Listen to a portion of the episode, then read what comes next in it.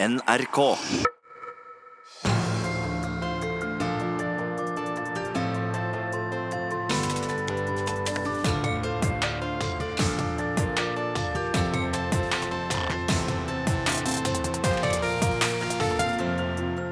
I disse dager er det 100 år siden kurderne ble lova et eget land, men fremdeles er de verdens største statsløse folk. Soldatene deres hjalp vestlige land i kampen mot IS, men har nå blitt vendt ryggen. Hvorfor er kurderne nyttige når det trengs, men veneløse når det kreves? Ja, velkommen til en ny utgave av Disse dager på NRK P2. Også i dag sendt fra Skatten på Tøyen i Oslo. Like etter at jeg hadde flytta til denne byen for snart et kvart århundre siden, så setter jeg meg i en taxi. Sjåføren han hadde genene og morsmålet sitt fra sørlige breddegrader, og jeg spurte han mannen bak rattet hva land han egentlig kom fra. Og fikk til svar jeg kommer ikke fra noe land, for mitt folk har ikke sitt eget land. Jeg er nemlig kurdisk. Jeg i baksetet var likevis, for kurderne visste jeg lite om den gang. Enda mindre om deres kamp for å få sin egen stat i Kurdistan. Hei, jeg kommer fra disse dager på P2. Jeg lurte på om jeg kunne stille deg et spørsmål. Det kan du få lov til. Så bra. Hvor ligger Kurdistan? Um, Midtøsten? Eller, det er jo egentlig ikke det. Det ligger jo i den øvre delen av Syria. Så jo, Midtøsten. I hvilken verdensdel? Asia? Håper jeg. Kurdistan? Er, jeg vet ikke om det egentlig er noe som heter det, men det er jo på grensa mellom Tyrkia og Syria. da. Ja, Hvis man skal få lov til å kalle det det. Jeg vet ikke om det er et offisielt navn. um, det er i uh, Det er i Hvor ligger Kurdistan hen? Det vet jeg faktisk ikke. Nei. Det ligger jo eh, i nærheten av Tyrkia. uh, Jeg vil si det er i uh, grense ved Asia og Midtøsten. Hva vet du om kurderne, da? Jeg vet vel ikke så mye om kurderne, men det var vel sånn at eh, rundt den første verdenskrig, da det osmanske riket brøt sammen, så tok eh, England og Frankrike og lignende de trakk opp eh, grenser på, med linjal på et kart. Og da utelot de kurderne, sånn at kurderne fikk aldri sitt eget land, selv om de var en stor folkegruppe som eh, kunne fortjent et. Ja, Kurdistan det er et område som strekker seg fra Tyrkia i vest, via Syria til Irak og Iran. Og den tyrkiske invasjonen av de kurdiske områdene i det nordlige Syria skjedde umiddelbart etter at amerikanske styrker hadde starta si tilbaketrekking. Kurderne opplever nå at de har blitt forrådt, fordi USA og vestlige land fikk uvurderlig hjelp av kurdiske styrker i kampen mot IS. I disse dager spør vi hva følger det kan få at et Nato-land invaderer et naboland der Russland har militære styrker. Om europeiske ledere er mer redde for at Tyrkias president skal sende millioner av syriske flyktninger vår vei, enn at han begår folkemord. Og ikke minst, hva er koblinga mellom kurderne sin kamp og samene si sak?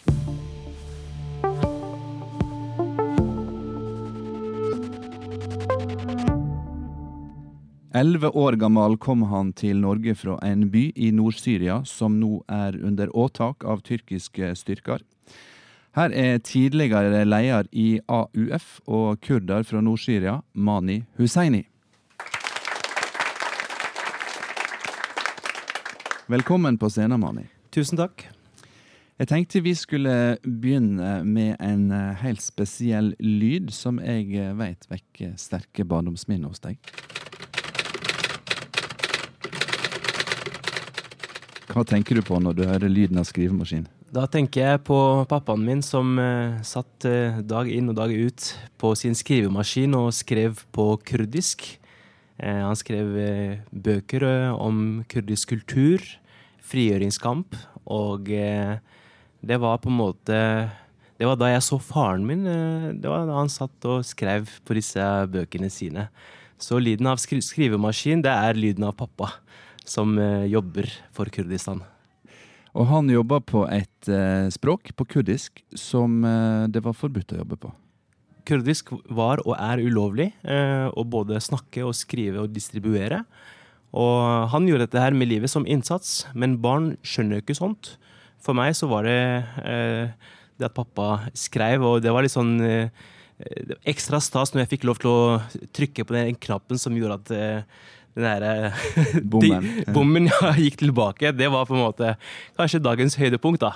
Eh, eller bytte på blekket. Eh, rett og slett lukta av blekk og lyden av skrivemaskin. Det er kanskje en av mine første barndomsminner om eh, kurdisk frigjøringskamp. Far din skrev på kurdisk, og du snakka kurdisk eh, annet på skolen. Hvordan var det? Kurdisk er jo morsmålet, eh, og det er det jeg har oppvokst med. Og det var jo naturlig da at med venner og eh, skolekamerater så snakket vi kurdisk. Men det var jo ikke lov.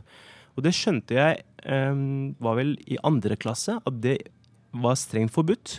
For da ble jeg tatt i å snakke kurdisk med min sidekamerat. Og eh, fikk som straff slag av rektor foran hele skolen. Eh, Da gikk jeg andre klasse, og det gjorde et sterkt minne på meg. Da jeg kom hjem, så på en måte forlanga jeg av mine foreldre å forklare hvorfor det var sånn. At eh, det som kom ut av munnen min, var så ille at eh, jeg måtte få straff for det. Og det var også en av de gangene hvor jeg skjønte at jeg var en minoritet i et land. Eller rettere sagt at jeg At jeg var ufri. Men da du fikk pryl av rektor, da han slo deg foran hele skolen, slo han eh, det kurdiske språket ut av deg, eller slo han eh, kampen eh, i, deg? Vet du hva? Jeg, eh, selv om jeg gikk i andre klasse, og man er ganske liten, eh, så ble jeg tatt imot som en helt av eh, mine klassekamerater, og egentlig av hele skolen. Fordi eh, den byen som jeg er født og oppvokst i, Kameslo, der er det over 90 kurdere. Alle de som gikk på skolen, var kurdere. Um, så da jeg hadde, fått slag, jeg fikk slag på håndflaten, um, så gikk jeg ned, og jeg gråt selvfølgelig, for det var veldig vondt, men jeg ble tatt imot som en helt av alle sammen. Og da skjønte jeg at um, at dette gjorde meg, veldig, gjorde meg veldig populær, da. Så jeg ga ikke opp å snakke kurdisk, og jeg snakker fortsatt kurdisk. Men eh, Mani, når vi snakker om kurderne sin kamp for eh, sitt eget land, så eh, kan vi snakke om den eh, væpna kampen. Mm. Og det skal vi også snakke om. Men eh, vi kan også eh, snakke om scener hjemme i stova di i Nord-Syria. eh, som tidvis var full av folk, Mm. og eh, hadde nær sagt store ord og store tanker.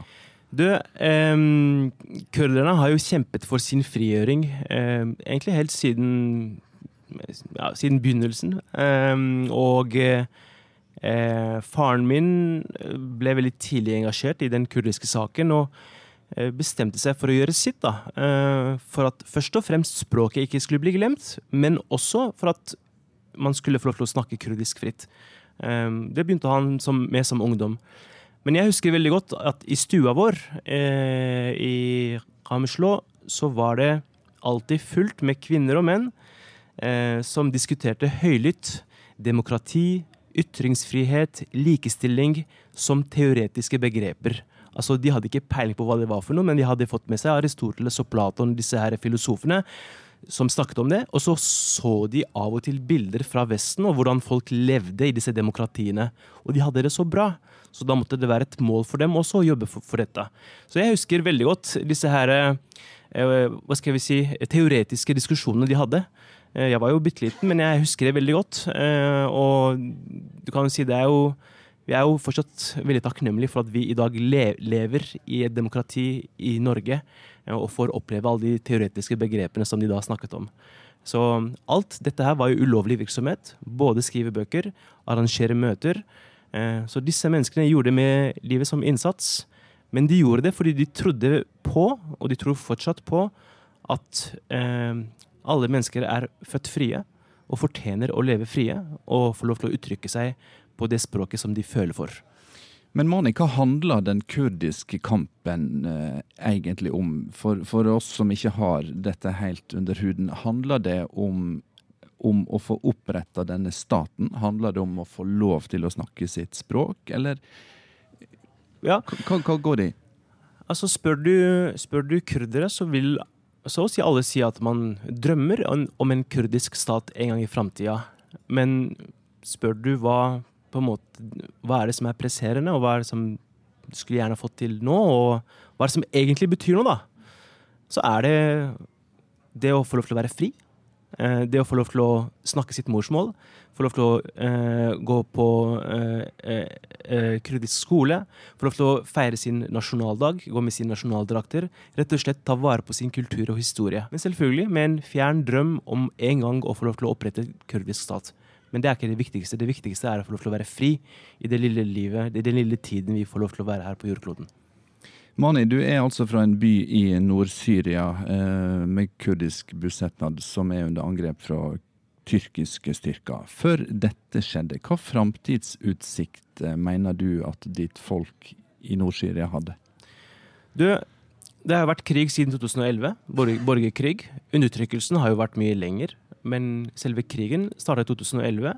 Og de siste årene, med de eh, kurdiske selvstyremyndighetene i de nordlige delene av Syria, altså Rojava, Kurdistan, der har jo på en måte man innført demokratiske reformer.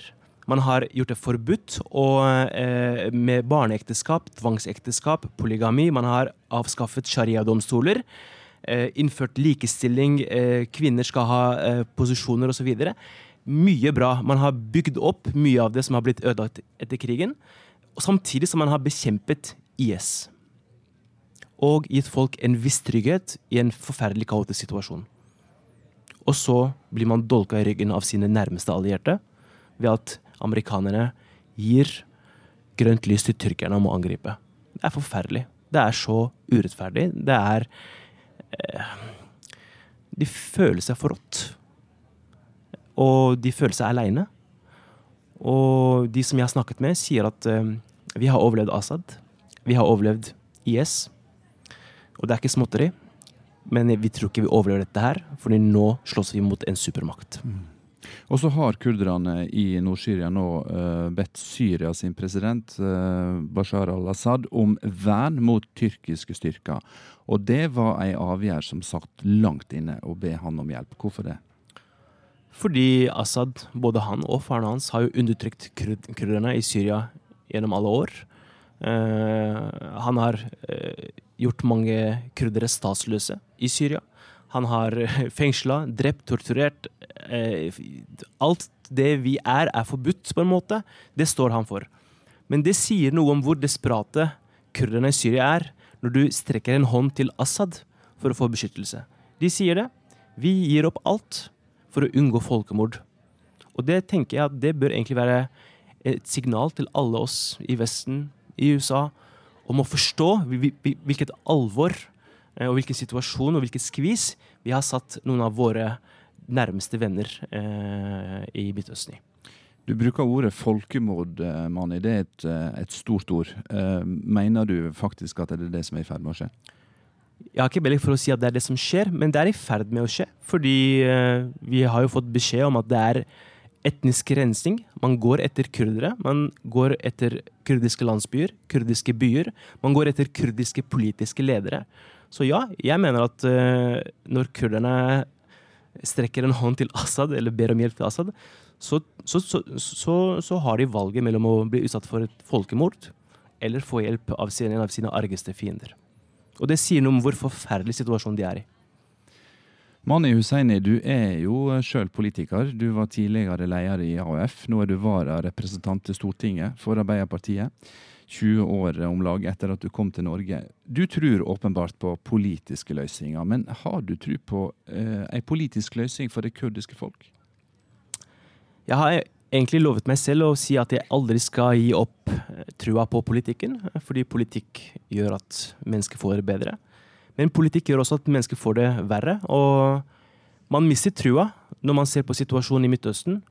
Du kan se på de ulike konfliktene, Israel-Palestina, men også kurdernes situasjon. Fastlåst. for mange interesser. Det blir på en måte hele verdens maktkamp på et lite område. Og uheldigvis så er det kurdere som bor i det området. Så jeg har lovet meg selv å ikke miste trua, men det er jammen ikke lett å holde på trua om at det vil bli bedre. Dessverre. Mani Husseini, tusen takk for at du kom til disse dager og ga oss innsikt i kurderne sin situasjon i Nord-Syria.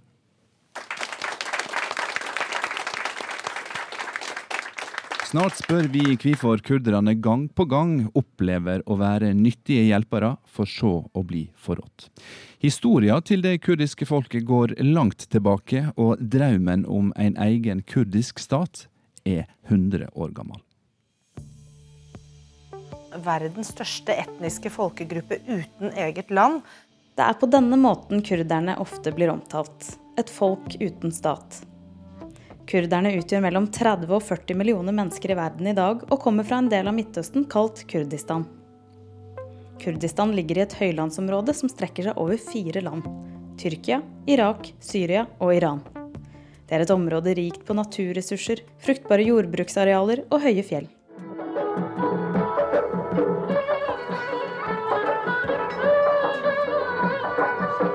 Kurdere som folkeslag har i århundrer hatt en tydelig identitet i form av eget språk, egne tradisjoner og en egen kultur. Allikevel har Kurdistan aldri blitt anerkjent som et selvstendig land. Da det osmanske riket, som senere ble Tyrkia, falt etter første verdenskrig for omkring 100 år siden, ble kurderne lovet en egen stat av de seirende vestlige maktene. Men løftene ble brutt, og grensene i området ble trukket opp uten at Kurdistan ble en nasjonalstat.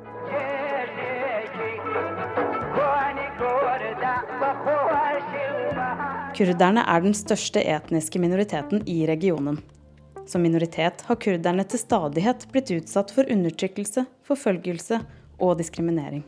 Det har ført til mange blodige kamper, og flere tusen mennesker har mistet livet. Et ødelagt hjem, med rester av det som en gang var et lykkelig liv. Trebarnsfaren klandrer den tyrkiske staten for det som er skjedd med hjemmet hans.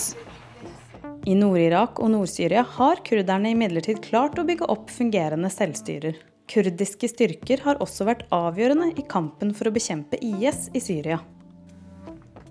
I dag så er vi samlet her for å fordømme Tyrkias invasjon av nordlige Syria og Rojava. Flere tusen mennesker over hele verden har den siste tida demonstrert for å gi sin støtte til kurderne som forblir verdens største folkegruppe uten et eget land. Kurderne har ingen andre venner enn fjella, heter det i et gammelt kurdisk ordtak. Hvorfor er det slik, og hvorfor har Tyrkia gått til åtak på kurdere i nabolandet? Det skal vi nå prøve å finne ut av ved hjelp av eh, Nirina Weiss, antropolog og forsker ved Fafo, og VG-journalist og forfatter Nilas Johnsen. Velkommen begge to. Jeg begynner med deg, Nerina. Mani Husseini sa at eh, kurderne i Nord-Syria nå er dolka i ryggen i og med den amerikanske tilbaketrekkinga. Har de grunn til å føle seg forrådt? Ja, absolutt. Det var um, ikke helt uventet at det skulle skje. Kurderne har en historie med å først bli brukt i en uh, maktkamp. Kurderne um, er jo på bakken, og de kan brukes i et maktspill mellom ulike aktører. Men så er det det, det store maktspillet og status quo som teller. Og når man ikke bruker kurderne mer, så har man en tendens å bare la dem ikke bare seile sin egen sjø, men uh, bli over uh, rullet av eh, en militær eh, stormakt. Ja, Hva dømme har vi fra historien på dette? Eh, vi har sett det flere ganger i den maktkampen som er og var mellom Iran og Irak. Så i 60- og 70-tallet så har kurderne i Irak prøvd å få selvstyre, få mer rettigheter, og hatt, som man snakker om, den første og andre irakisk-kurdiske krigen som ble støttet av Iran, som ønsket å destabilisere de irakiske altså makthaverne.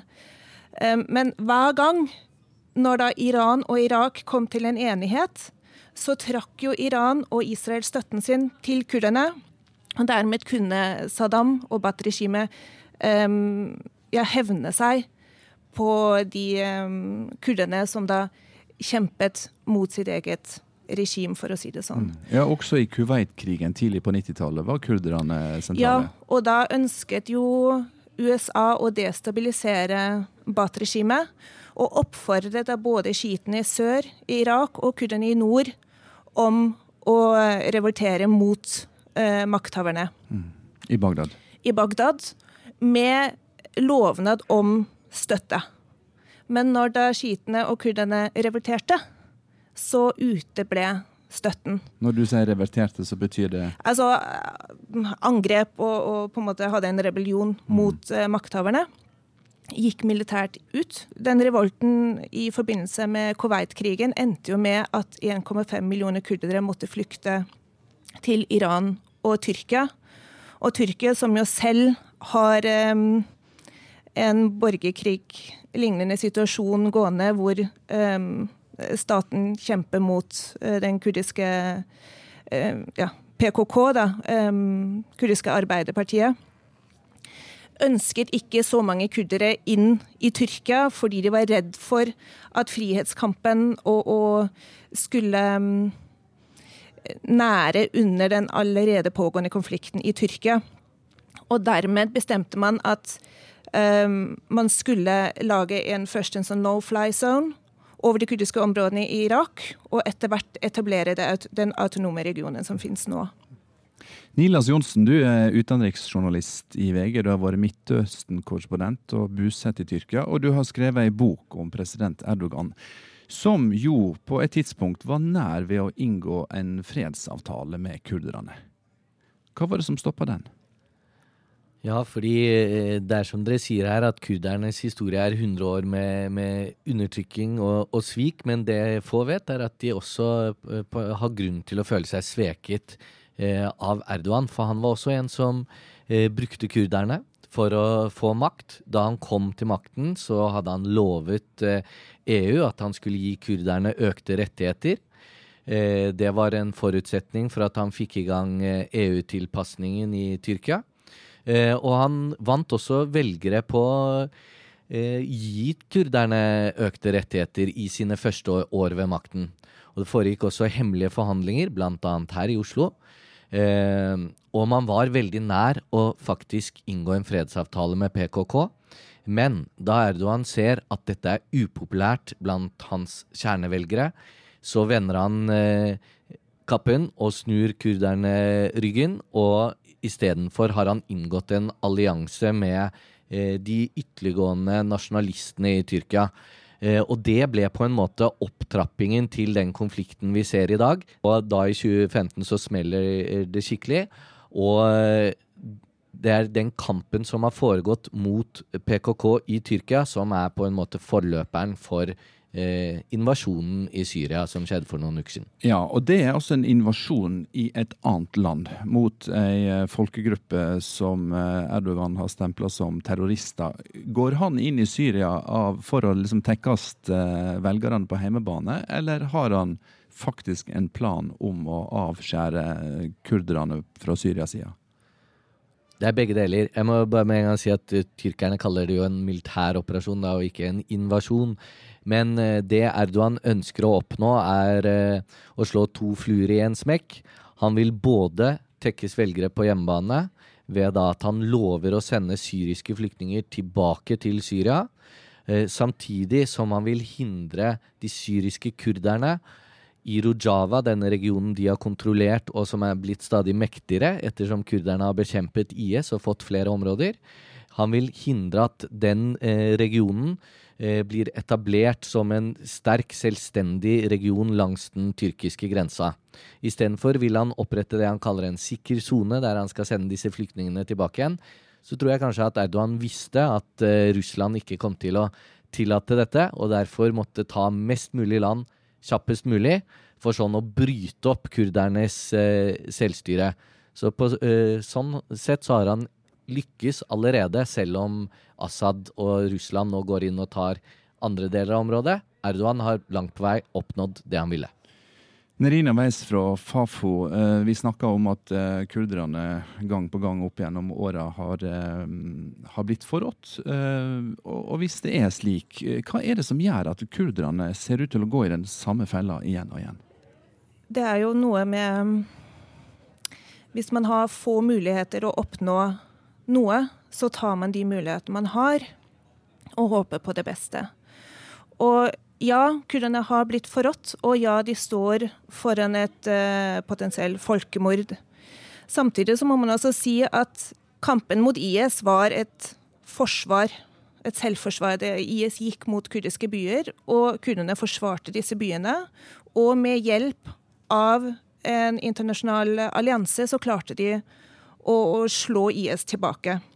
I den korte tiden kurderne har hatt siden angrepet um, altså IS-angrepet. IS Fram til nå så har det jo faktisk, som, som, Mani har vært inne på, klart veldig, veldig mye. Og altså klart å få til veldig mye. Så de har klart å etablere eh, basisdemokrati. De har faktisk klart å snu en, en, utvikling som ellers er i et krigsrammende, altså en krigsrammet eh, region, med at man har fått kvinnene fram.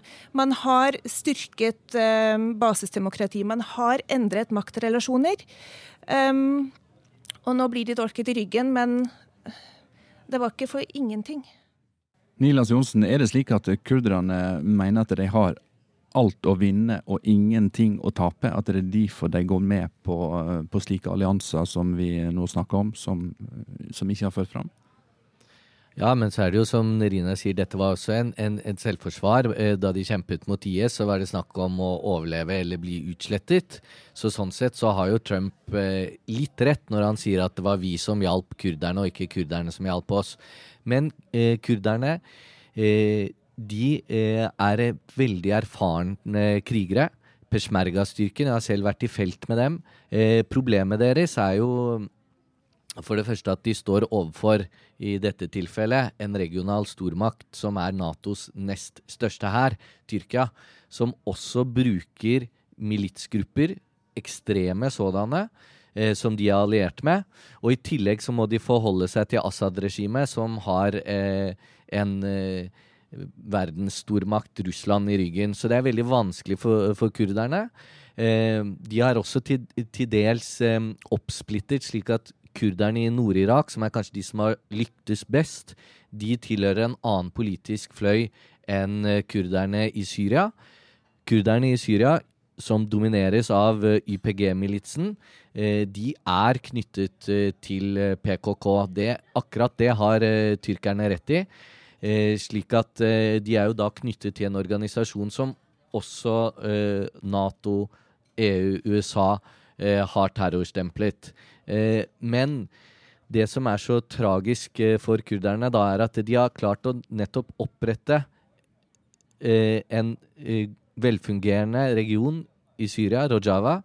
Eh, Nord-Irak var vel, velfungerende. De har mistet mye av det selvstyret de hadde bare for noen få år siden. Så at de var veldig nær å få til noe stort nå. Nå er de satt eh, flere år tilbake. Jeg tror eh, ikke de blir fullstendig utslettet. Jeg tror at denne krigføringen eh, kommer til å på en måte eh, stanse opp litt, nå som Russland har gått inn. Da kan ikke Tyrkia gå all in for å myrde alle kurderne. For noen år siden hørte jeg en eh, norsk forsker på et eh, foredrag si at når Syriakrigen er slutt, når IS eh, er bekjempa, så vil det komme en ny kamp og en ny krig, og det er mot kurderne. For Erdogan vil aldri tillate at kurderne styrker seg. Og Da spør jeg Nerina Weiss, er dette nyheten om en varsla katastrofe, sett med kurdiske øyne? Ja, det vil jeg si. Når Tyrkia gikk inn i eh, Syriakrigen i 2015 under stikkordet 'War Against Terrorism', så gikk jo hoved, hovedmengden av bomber og artilleri mot kurdiske styrker, enten da i Tyrkia eller i fjellene i Nord-Irak. Så eh, veldig få veldig få angrep gikk jo rettet mot IS. Sånn at Tyrkia har hele veien argumentert med at de kurderne og de maktstrukturene vi har sett i Rojava, de er terrorister. Ved å angripe kurderne så deltar vi i kampen eh, mot terror. Ja, og når jeg var, eh, jeg var, i Syria for noen år siden, da jeg fikk syrisk eh, visum, fortalte en toppdiplomat der at eh, Assad og Erdogan er kanskje fiender nå, men de har vært venner før. Og de vi finner sammen igjen. Bare vent noen år, da skal vi ta knekken på Rojava. For det eneste Erdogan og Assad kan være enige om, er at de ønsker ikke en sterk, autonom kurdisk eh, eh, region som eh, er støttet av USA. Så det, dette er absolutt, som du sier, dette er historien om et varslet mord. Mm. Nilas Johnsen, eh, utenriksjournalist i VG og forfatter, takk for at du kom til disse dager. Takk også Nerina Weiss, antropolog og forsker ved forskningsstiftinga Fafo. Tyrkias militæraksjon i de kurdiske områdene i Nord-Syria starta med at eh, president Donald Trump beordra tilbaketrekking av amerikanske styrker i landet. Og det er ei avgjørelse han har måttet forsvare etter beste evne. Now the Kurds are fighting for their land, just so you understand. They're fighting for their land. And as somebody wrote in a very, very powerful article today, they didn't help us in the Second World War. They didn't help us with Normandy, as an example. They mentioned names of different battles. They weren't there, but they're there to help us with their land, and that's a different thing. In addition to that, we we we have spent tremendous amounts of money uh, on helping the Kurds in terms of ammunition, in terms of weapons, in terms of money, in terms of pay. With all of that being said, we like the Kurds. Ja, det sier president i USA Donald Trump. I kampen mot kurderne har Tyrkia altså gått til aksjon i nabolandet Syria. Men hva følge får det når et Nato-land går inn på ei slagmark der Russland er tungt til stades? Og hvordan vil Europa møte trusselen om en flyktningestrøm iscenesatt av den tyrkiske presidenten? Det er spørsmål vi straks søker svar på i disse dager på NRK P2.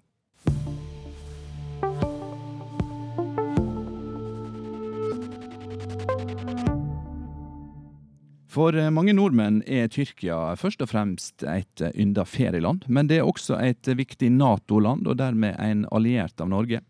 Spørsmålet er kan vi risikere at Nato blir involvert i denne konflikten, siden russiske og tyrkiske styrker står mot hverandre?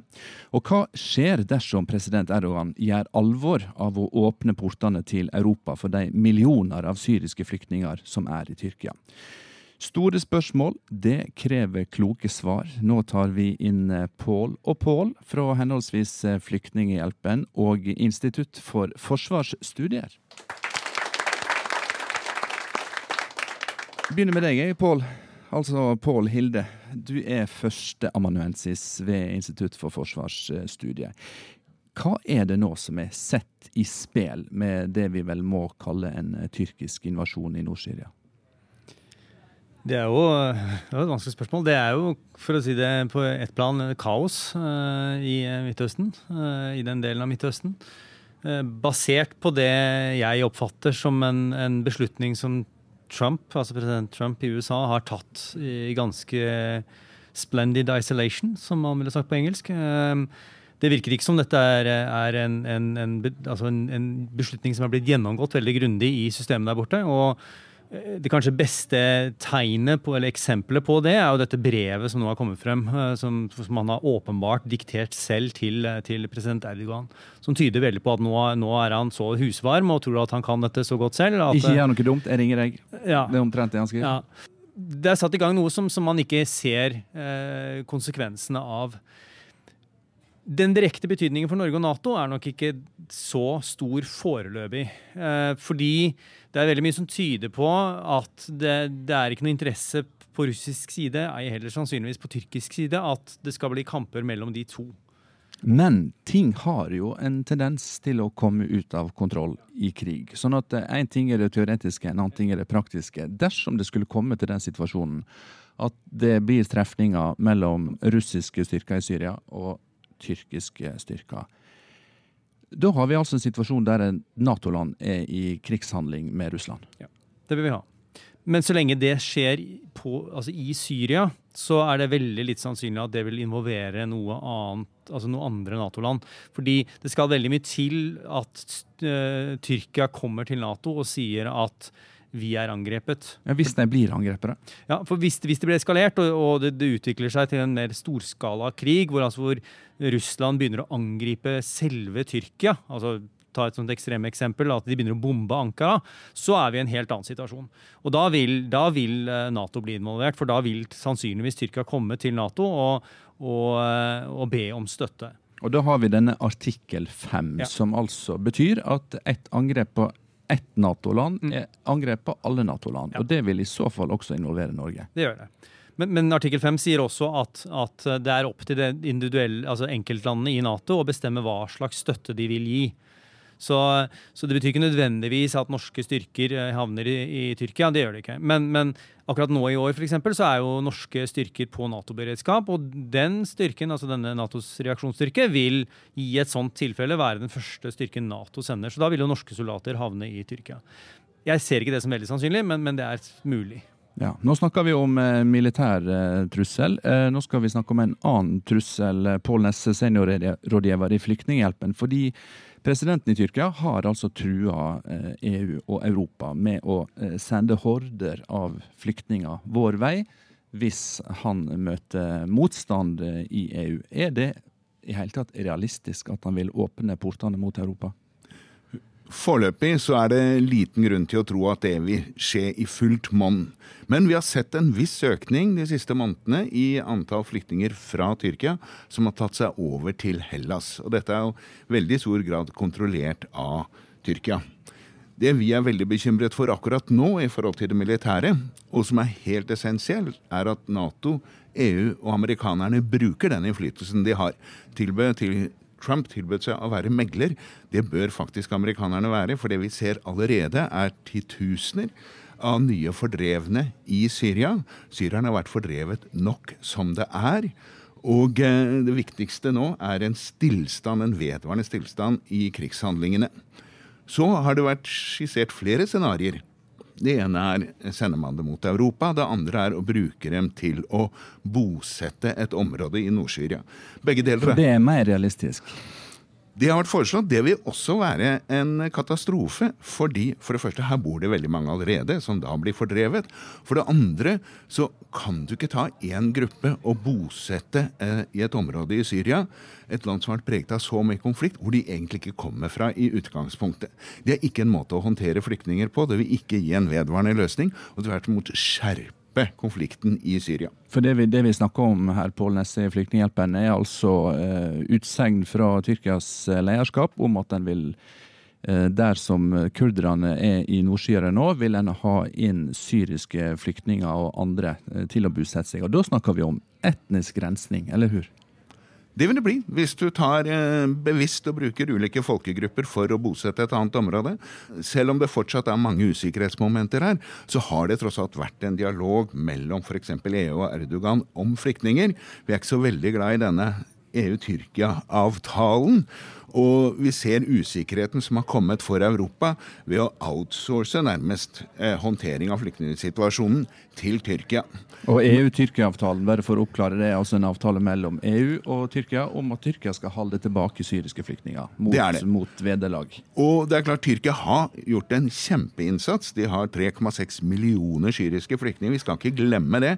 Eh, mens Europa med sine 500 millioner innbyggere sa til Tyrkia og så må du ta våre i tillegg. Så det er en veldig usikker situasjon sånn, men man må da bruke de politiske åpningene man kan ha for at vi ikke får nye flyktningstrømmer verken den ene eller den andre vei. Pål Hilde, førsteamanuensis ved Institutt for forsvarsstudier. Det foregår jo veldig mye nå, og situasjonen utvikler seg fra dag til dag. Men hva tror du blir utfallet her? Blir det en, en storskala krig? Blir eh, tyrkiske styrker stående i Syria? Kan de det? Jeg har ingen krystallkule, så jeg vet jo ikke. Men, men altså, hvis jeg skulle gjette, så, så, så vil jeg tro at, at eh, Fornuften vil ikke råde, men, men altså at det vil stabilisere seg. og, og det virker jo som tyrkerne er i ferd med å oppnå det de har ønsket å oppnå, i hvert fall på kort sikt. og en, altså gå inn og ta en sone nord i Syria. Um, så jeg har ikke noe tro på noe krig mellom Syria og Tyrkia, eller da også gjennom det Russland. Um, og jeg har vel sånn sett uh, heller ikke tro på at, eh, at eh, Vesten, eller altså Europa og Nato, kommer til å bli mer involvert enn det man er. Natos generalsekretær er jo norsk og heter Jens Stoltenberg. og Han har fått kjeft fordi han har vært for veik i eh, kritikken mot han, og tvert imot ikke kritisert Erdogan i, i, i særlig grad. Eh, Har han i hele tatt noe valg? Nei, han har en veldig vanskelig jobb nå, fordi på et vis, altså Tyrkia er jo et medlemsland i Nato, og, og generalsekretæren skal uttrykke eh, synspunkter som, som, eh, som representerer alle medlemslandene. Og, og det å da gå ut og direkte kritisere Tyrkia på en eh, måte som ikke Tyrkia liker, vil være vanskelig for han. Nesse, Flyktninghjelpen. eh, Tilbake til trusselen om å sende flyktninger til Europa. Jeg snakka med noen som sa at eh, hun var redd for at Europas ledere var mer redd for en flyktningstrøm enn for et eventuelt folkemord i eh, Nord-Syria. Hva tenker Flyktninghjelpen om det? Vi tenker at uh, om ikke vi forholder oss til akkurat den påstanden direkte, så kan vi i hvert fall skrive under på at Europas politikere har vært veldig svake når det gjelder å ta humanitært ansvar. Og for å finne løsninger på konfliktene i Syria på fredelig vis, som gjør at du nettopp unngår å måtte bekymre deg for det spørsmålet. Pål Nesse fra Flyktninghjelpen, takk for at du kom til disse dager. Også takk til deg, Pål Hilde fra Institutt for forsvarsstudier. Det er jammen langt fra Kurdistan til Karasjok. Men er det likevel ei kobling mellom kurderne sin kamp og samene sin sak? Det skal vi snart nøste i her i disse dager på NRK P2.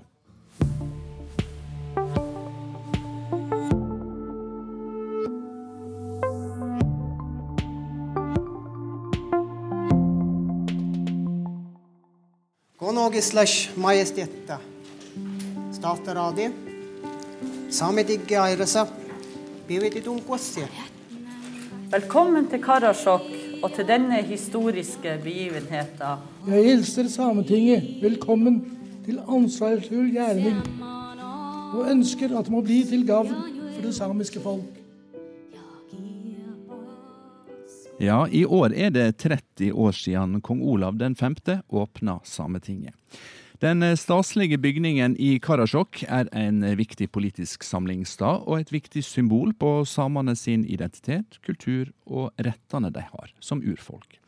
Men hvorfor har den arabiske TV-kanalen Al Jazeera laga et eget program om samene, til inspirasjon for kurderne, og hva har samene og kurderne i så fall til felles? Nå skal vi ta inn to forskere, den ene samiske Hadi Strømmeli og tyrkiske Pinar Tank.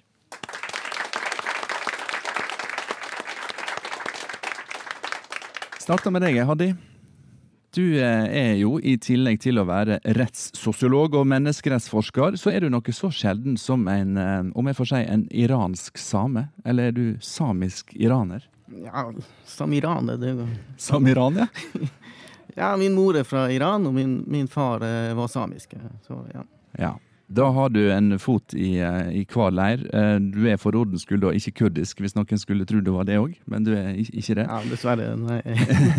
Det er 30 år siden, eh, Hadi, at eh, Sametinget ble oppretta. Hva betydning har Sametinget hatt for samenes sak i Norge? Nei, det har jo hatt enorm betydning. Før vi fikk Sametinget, så var det jo ingen eh, som kunne snakke med autoritet på vegne av det samiske folk.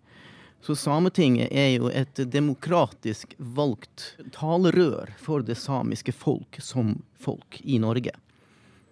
Ja, og dette ble jo oppretta i stor grad på ei, erkjenning av eh, en undertrykkende fornors fornorskingspolitikk som går tilbake til 1800-tallet. Og sett her fra sør så kan det jo se ut som at Sametinget har større symbolsk verdi enn en faktisk politisk effekt. Det, klart at det, det er jo ikke sånn at Sametinget kan bestemme hva politikken skal være i Norge, men det et det ligger jo en, en sterk politisk makt i det å kunne si at dette er det samiske folks mening. Så når sametingspresidenten f.eks. går ut og sier til Høyesterett at nå har vi mista tilliten til, til Høyesterett, som hun nettopp gjorde, så betyr det at det samiske folk Hun snakker på vegne av hele det samiske folk. Og da, må, da bør jo Høyesterett lytte til det. Og Grunnen til at vi snakker om eh, samenes sak og Sametinget i dag, er jo at vi skal trekke en parallell til kurderne sin kamp. Og hva er fellestrekka mellom kurderne og samene, Hadi? Ja, altså, det er begge to et folk. Spørsmålet hva er et folk? Når jeg gjennomførte min doktorgrad i uh, 2011, uh, så jeg jeg et spørsmål til lærere og elever. Er det samiske folk en del av det norske folk? Og nesten alle lærerne sa ja. Det samiske folk en del av det norske folk. Og så tenkte jeg, ja, men, så, så begynner jeg å spørre, snakke med dem, Men så ja, men eh, Hva med de som er i Sverige, da, og de som er i Finland? Nei, men de er en del av det finske folk og det, og det svenske folk. og... Ja, hva, men hva med, hva med kurderne, da? De, hvis du sier til en kurder at du er en del av det tyrkiske folk, Ah, nei, da blir det litt vanskeligere. Eller hvis du sier at ja, det baskiske folk er en del av det spanske folk, nei, da blir man litt mer usikker. Så hva er forskjellen? Det er ingen forskjell. Både samene, samene er et folk, men man har ikke en stat. Og så, og så har det vært en lang kamp, det her med å kunne få lov til å være den man er. Ikke sant? At man ikke må bli Altså, denne tanken om én stat, ett folk, ett språk, den har jo vært førende i lang tid som en politisk kamp for ikke bare for mange grupper, inkludert kurderne. Så jeg blir litt sånn ukomfortabel når kurderne, kurderne sier at ja men, ja men, vi vil ha vår egen stat. Ja, men hva med de som ikke er kurdistan innenfor den staten? Skal det, skal det være et nytt sånt utvalgt land for ett folk i Midtøsten? Og så har samene det til felles med kurderne at de er bosatt i fire land. Vil si kurderne også i det femte Armenia, men i mindre grad. Så bosatt i fire land. Og så hørte vi eh, Mani Husseini i starten av sendinga snakke om at kurdisk var uh, forbudt uh, da han vokste opp, og fremdeles i, i Nord-Syria. Og samene har jo måttet kjempe for sitt språk også. Ja, ja altså du har det starta jo med, med Finnefondet. og det var en stortingspost på Stortinget som handla om norskopplæring. Og så utvikla det seg ganske fort til å bli en, ikke bare en, en opplæring om norsk, men en antisamisk politikk. Som vi kaller for fornorskningspolitikken. Og det var da særlig når den såkalte vekselsplakaten ble, ble vedtatt i 1880, noe, der det sto at lærerne kunne ikke snakke seg, selv om de kunne samisk. Så fikk de ikke lov til å bruke det til noen elever, selv om de elevene ikke kunne noe annet enn samisk. Med mindre det var uomgjengelig fornødent. Mm. Uh, og denne politikken varte helt, helt formelt fram til 1963. Uh, så hvis du 1851 til 1963, altså 112 år. Så det er jo en grunn til at samene er så få i dag. Da. Det er jo vi skal over til eh, Pinar Tank, seniorforsker ved fredsforskningsinstituttet PRIO.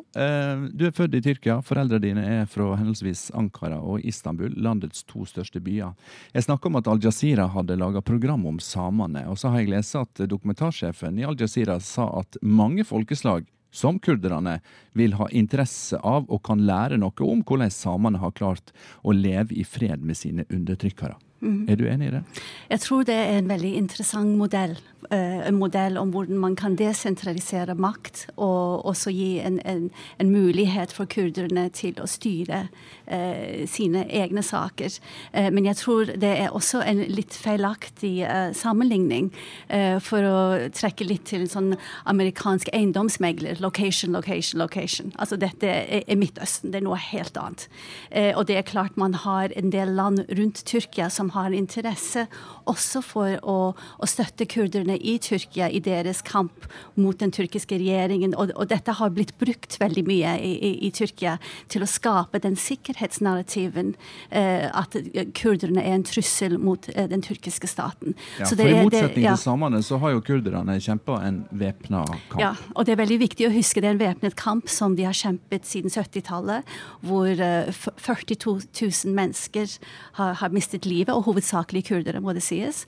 Hadi, vi eh, snakka tidligere om, om, dette med språk, hvor viktig det er i, i påvente av å få sin egen stat. Hvor, hvor, viktig er retten til å snakke sitt eget språk for et urfolk eller en minoritetsgruppe? Nei, altså Språket er jo helt grunnleggende for en kultur. Eh, du kan jo spørre deg sjøl hva er et menneske uten kultur? Et, et menneske som ikke kan snakke. Eh, hva er et menneske uten, uten, språk, uten matvaner, uten klær, uten uh, høflighet, uten uh, normer og verdier? Altså det, det, er en apekatt. Det, det, det er et dyr. Så ulike kulturer er ulike måter å være menneske på. Så, så, så, når noen sier at nei, men den måten du er menneske på, det er feil, det får du ikke lov til, du får ikke snakke på den måten, du får ikke kle deg på den måten, du får ikke ha de matvanene osv. Så, så, og, og du skal være sånn som oss. Så er det jo noe veldig rasistisk i det. Det er på, på en måte en måte å si at denne ene typen mennesker er mye viktigere, og den ene typen måte å være menneske på, den er mye bedre enn denne måten som dere er på, for den er feil. Men Pinjartak, nå snakker vi om kurderne som et eh, undertrykt, forfulgt eh, folk. Men de har jo sannelig fått til ting, også når det gjelder eh, kulturen sin, språket sitt, rettene sine. Ja, og det er også viktig å poengtere at i Tyrkia så har man hatt den assimilasjonspolitikken. Og det er en del eh, kurdere i Tyrkia som anser seg selv som tyrkisk først, og så kurdisk. Eh, så, og, og, det ofte varierer veldig uh, i forhold til hvor de er bosatt også. Og, og Tyrkia uh, har, ga flere rettigheter til kurderne i, i, etter den prosessen med EU startet. Så de har fått noen av de rettighetene til å snakke sitt språk, men det er veldig begrenset begrenset. Og de siste årene har vi sett at det har vært mer og mer begrensninger på hva de, de får lov til. Men eh, det må også sies at kurderne har prøvd å gå inn i politikken, altså å bruke politikken som en måte for å fremme sine krav. Eh, men det har bare resultert i at deres leder ble fengslet. Fordi de fikk så mange stemmer at de ble en trussel eh, til Erdogan-regjeringen. Eh, så de, de, prøver på alle baner å, å, å, å få frem sine, sine krav. Hadis Rømme Lile, jeg så eh, for ikke lenge siden at Norske Samers eh, Riksforbund, som er største samiske, den største samiske organisasjonen, de gikk ut og uttrykte sin støtte til eh, kurderne sin kamp i Nord-Syria nå. Hva er det som gjør at samene kjenner så støtte og sympati for det kurdiske folket? Man har også en interesse av å støtte andre folkegrupper som som kjemper for sin kultur, og som, eh, som står imot stater som har en tendens til å definere og si at nei, ok, det er det bare staten sin kultur som teller. Pinar Tank, eh, vi har snakka tidligere i dag om hva kurderne har fått til. Vi har også snakka om eh, likestillingspolitikken, mellom annet i Nord-Syria. Og du er opptatt av alt som nå står i fare for å ryke. Ja. Hva handler det om? Ja, Det handler om det styresettet som kurderne har hatt i Nord-Syria, som er basert på eh, grasrotdemokrati, likestilling og økologi. Og de har, de har hatt et sånn stabilt område som, hvor de har klart å styre. Eh, og de har klart å, å, å, å gi folk utdannelse og medisinsk hjelp. Og de har hatt en helt samfunn som har blitt etablert i Nord-Syria. Og dette her kommer kommer til å ryke. Og, og det, det, det, samfunnet, de verdiene som står i det samfunnet, er de verdiene egentlig som vi ønsker å se i Midtøsten. Det som kommer til å skje hvis de faktisk blir renset fra disse områdene, er at noen av de som kommer til å bli værende der, og Erdogan tenker seg sine militser, spesielt i disse sonene, de har helt andre verdier. Eh, og de har ofte en mye mer eh, eh jihadist-tenkning, for de kommer fra jihadist, noen av de kommer fra jihadistgrupper. Så da kan du tenke at alt dette her veldig progressive ideen om hvor Nord-Syria skulle styres, blir borte. Men kan, kan jeg spørre om noe?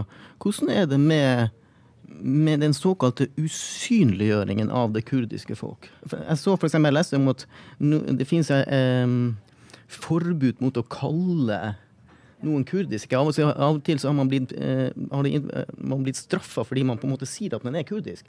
Og Mani Hussein var også inne på det. Ja, altså, du, eh, Nå snakker jeg for Tyrkia eh, mer enn for Syria. Eh, I Syria også har de vært undertrykket frem til 2011. Men i Tyrkia så kan man si at man er kurdisk. Eh, og, og, det har forandret seg. Opp 1980-tallet så eksisterte ikke en gruppe kurdere i Tyrkia. De het bare for fjelltyrkere. Så man har kommet en vei i Tyrkia. Eh, men, eh, men vi ser de senere årene, fordi kurderne oppstår som en slags opposisjon mot eh, den regjeringen til AKP, så, har, så kommer det mer og mer undertrykkelse i Tyrkia. Og Grunnen til at jeg spør om det, for det er en av de største problemene på samisk side. Det er det såkalte, av og til aktive usynliggjøringen av det samiske folk. For eksempel nå så gikk han som var direktør for Sametinget, um, Fjellgren, ut. Og så, for at det, Walt Disney har laga en stor hva det der, eh, produksjon om det her som eh, Hva heter det? Frost? Frost, ja. Som er en kjempestor sånn eh, satsing som eh, som er direkte basert på samisk kultur. De har vært oppe og snakka med det samis, Sametinget. De har på en måte en samisk hovedrolle i en stor Disney-film. Og så når det, når det her kommer på NRK sin forside, så står det bare Disney-film eh, inspirert av eh, nordnorsk Eller Norsk høst, Norsk, norsk høst, eh, norske høstfarger. Og så spør jo vi Sametinget hva, hva som skal til egentlig for å, få, for å, for å nå riksmedia sin, sin, sin oppmerksomhet. Eh, men så, så, så sier han det, det, nesten, det, skal, det skal jo ekstremt mye til å bli synlig i riksmedia. Nå nådde du i alle fall riksmedia med det poenget. Ja, og det er jeg veldig glad for at dere har et uh, samisk perspektiv. Tusen eh, takk, Hadi Strømme Lile og eh, Pinar Tang, for at dere kom til disse dager og trakk linjene fra Karasjok til eh, Kurdistan. Vi er ved veis ende. Hvis du vil være publikum i disse dager, kan du komme på Skatten på Tøyen torg neste torsdag klokka tolv og være med når vi trekker de lange linjene i nyhetsbildet. Og kanskje blir du ørlite grann klokere også. Reporter i denne sendinga var Linn Helene Løkken, Helje Svensson Thorsdotter og Lars Erik Ertsgaard Ringen hadde det tekniske ansvaret. Produsent var Marte Rommetveit. Jeg heter Håkon Haugsbø og sier på gjenhør.